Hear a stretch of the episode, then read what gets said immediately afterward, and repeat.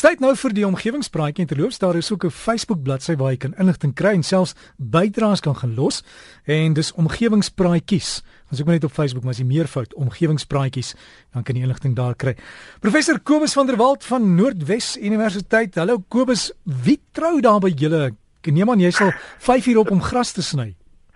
Ja, Derek, goeiemôre. Ja, nee, dis 'n besondere dag hier by die van der Walt van Potchefstroom want ons seun tree vanmiddag in huwelik met Anna Mart Roos. En ek en Ina is, is baie dankbaar want ons kry 'n pragtige dogter by vandag. Nou ek is baie bly ek kan huwelik bywoon Derek want ek het die afgelope week 'n draai gemaak in diep Afrika. En uh die mense wat nou gereeld daar reis sal weer, daar's maar altyd 'n onvoorspelbaarheid in in diep Afrika. Hoe weet nie of al of jou planne altyd so mooi gaan uitwerk nie.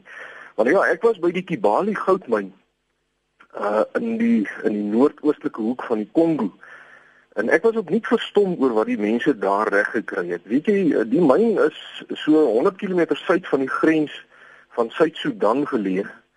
En uh, dit is nogal moeilik om jou 'n meer afgeleë plek op die Afrika kontinent voor te stel. Daar's letterlik niks beskikbaar daar waar die myn is nie. Alle voorrade moet oor paaie wat in 'n partykeer baie baie sleg is aangery word. Maar daar in die middel van die klomp gehuggies van die plaaslike Kongolese mense kom mense dan nou skielik af op hierdie reuse moderne goudmyn. En die beste is dat daar tientalle van ons landgenote daar werk en gehelp bou het aan hierdie myn.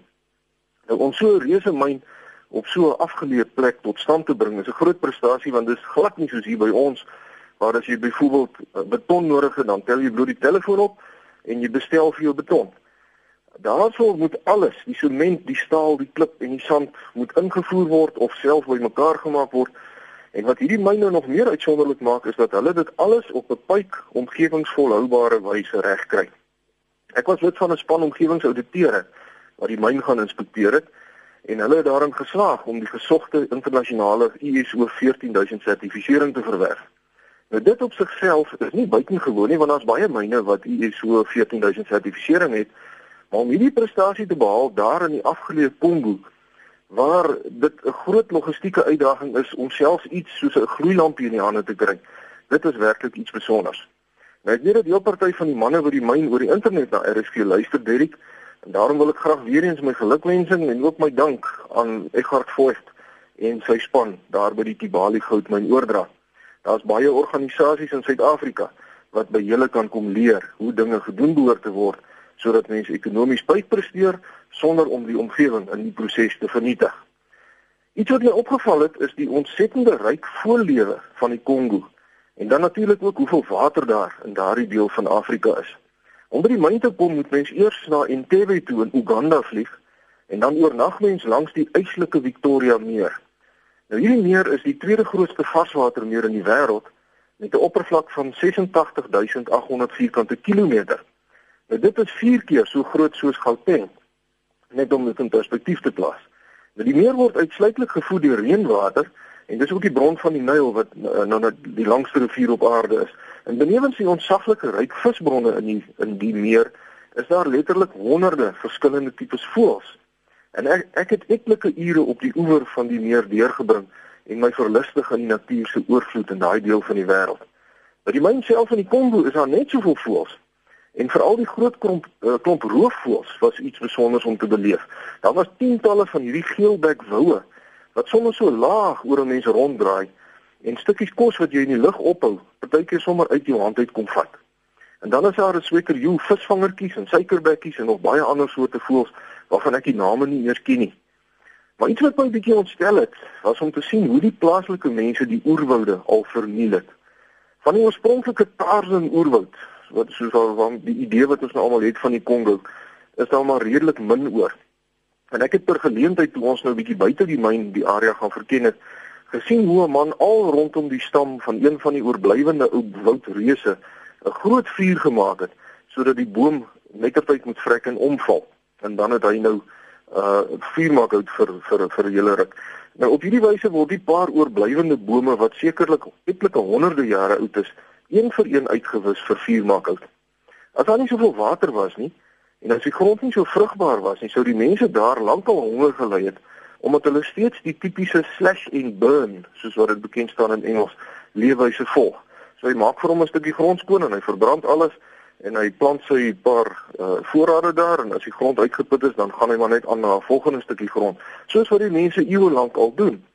Maar die verskil is nou dat die mense so baie geword het dat die woud se natuurlike herstelmeganisme oorskry word. So die langtermyn toekoms van die ekwatoriale Afrika oerwoude is regtig onder druk. Maar terug by die waterberg, die myne twee indrukwekkende hidroelektriese kragstasies in riviere daar gebou wat hulle afhanklikheid van diesel met meer as 80% gesny het. En dit is 'n uitstekende voorbeeld van die volhoubare gebruik van waterhulpbronne wat tot jou beskikking is. En dit bring my by internasionale waterdag wat eerskomende Dinsdag wêreldwyd gevier word. En die doel van hierdie dag is om mense opnuut bewus te maak van die belangrikheid van varswater en die noodsaaklikheid van die volhoubare bestuur van ons varswaterbronne. Die tema in 2016 is water en werksgeleenthede. En die feit dat geen industrie of myn of die landbousektor of 'n dorp of enigiets kan funksioneer as ons nie water het nie, is ook nie onder ons almal se aandag gebring deur die droogte wat steeds in sekere dele van ons land voortwoed. Alhoewel daar op baie plekke goeie reën geval het waarvoor ons almal natuurlik baie dankbaar is, word die waarskuwing dat Suid-Afrika sy waterbronne nie goed genoeg bestuur met betrekking tot die kwaliteit van die water nie, toenemend deur kundiges geopper. Ons land se water is vuil. Dit is vol plastieksakke en allerlei ander gemors. Dit is vol halfverwerkte rioolafval en dit is vol giftige alge wat heerlik groei in die vuil water. Nou die eerste verantwoordelikheid om die water skoon te maak lê natuurlik by waterwese, maar ek dink elke mens in Suid-Afrika moet maar van tyd tot tyd voor sy eie deur ook vee. As ons net na die aantal plastieksakke in elke ou stroompie kyk, dan kan ons met reg die vraag vra of ons werklik verantwoordelik daarmee omgaan en of die beheermaatreëls wat die regering 'n paar jaar gelede ingestel het werklik effektief is. Het daar regtig minder plastieksakke in die omgewing beland sedert ons vir elke sakkie moet betaal of bluf ons onsself met hierdie speletjie? En dan praat ek nou nie eers van plastiekbottels nie. En omtrent elke liewe stroompie in Suid-Afrika sal mense 'n paar plastiekbottels opmerk. En al hierdie besoedeling dra by tot die probleem van die onvolhoubare bestuur van ons beperkte waterbronne. As ons in die gelukkige posisie van 'n Uganda of 'n Kongo was wat meer water het as wat hulle kan gebruik, dan sou dit nie so 'n groot probleem gewees het nie. Maar nou bemos ons die bietjie water wat ons het gruwelik. En ek sukkel om te verstaan waarom dit so is, Dirk. Dis mos nou regtig nie ontsettend ingewikkeld om te sorg dat daar opgeleide mense by elke rioolaanleg in Suid-Afrika aangestel word nie. En dis nie soos ons Engelse vriende sou sê rocket science om lekplekke in munisipale pipe op te spoor en te herstel nie. Dit verg net 'n bietjie toewyding en harde werk, maar dit lyk my dis kwaliteite wat toenemend skaars raak in Suid-Afrika. In alle geval, omgewingsvriende, kom ons doen elkeen maar net wat ons kan om ons skaars waterbronne in Suid-Afrika te help beskerm, want as elkeen nie sy deeltjie doen nie, dan is daar min hoop dat ons mooi land ekonomies sal kan ontwikkel tot waar hy behoort te wees. Ek kon daarom nie help om te dink toe ek so oor die Victoria Meer en die Albert Meer gevlieg het hoeveel potensiaal daar in Sentraal-Afrika opgesluit lê nie. Dink net wat 'n klomp van ons Suid-Afrikaanse boere, want ons boere is uitnemend. Dink wat 'n klomp van ons boere met bykans onbeperkte water, vrugbare grond en gunstige plantegroei omstandighede sal kan regkry. Ek dink hulle sal regtig die hele wêreld van voedsel kan voorsien. Maar dan sal die infrastruktuur natuurlik eers drasties moet verbeter daar in Sentraal-Afrika. Miskien is dit egter ook maar goed dat Afrika se infrastruktuur so gebrekkig is. Ek dink dis die behoud. Want kyk net wat het met die Aralsee in Rusland gebeur toe die boere daar die water op groot skaal vir besproeiing begin gebruik het. Van daardie varswatersee is daar vandag net 'n klein stukkie oor wat my maar net weer by die feit bring dat die aantal mense eenvoudig te veel geword het vir die aarde om volhoubaar te kan onderhou. In enige omgewingsprogram het sy dit nou klimaatsverandering is of volhoubare waterbestuur of enigiets anders, sal hierdie eenvoudige feit moet aanspreek as daar enige hoop is op sukses.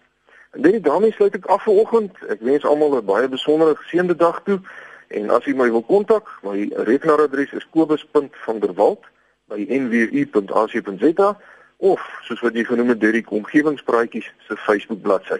Vriendelike groete tot 'n volgende keer. Ons so gesels ons dan met Kobus van der Walt. Kobus sterkte dan julle en geluk met die met die troue en en al dinge wat daar gebeur. Maar as jy vir Kobus wil e-pos, is Kobus met 'n K. Kobus.vanderwalt aan mekaar by nwu.ac.za. Anders makliker deesdae op Facebook gaan soek net vir omgewingspraatjies en dan hou ons die wêreld groen.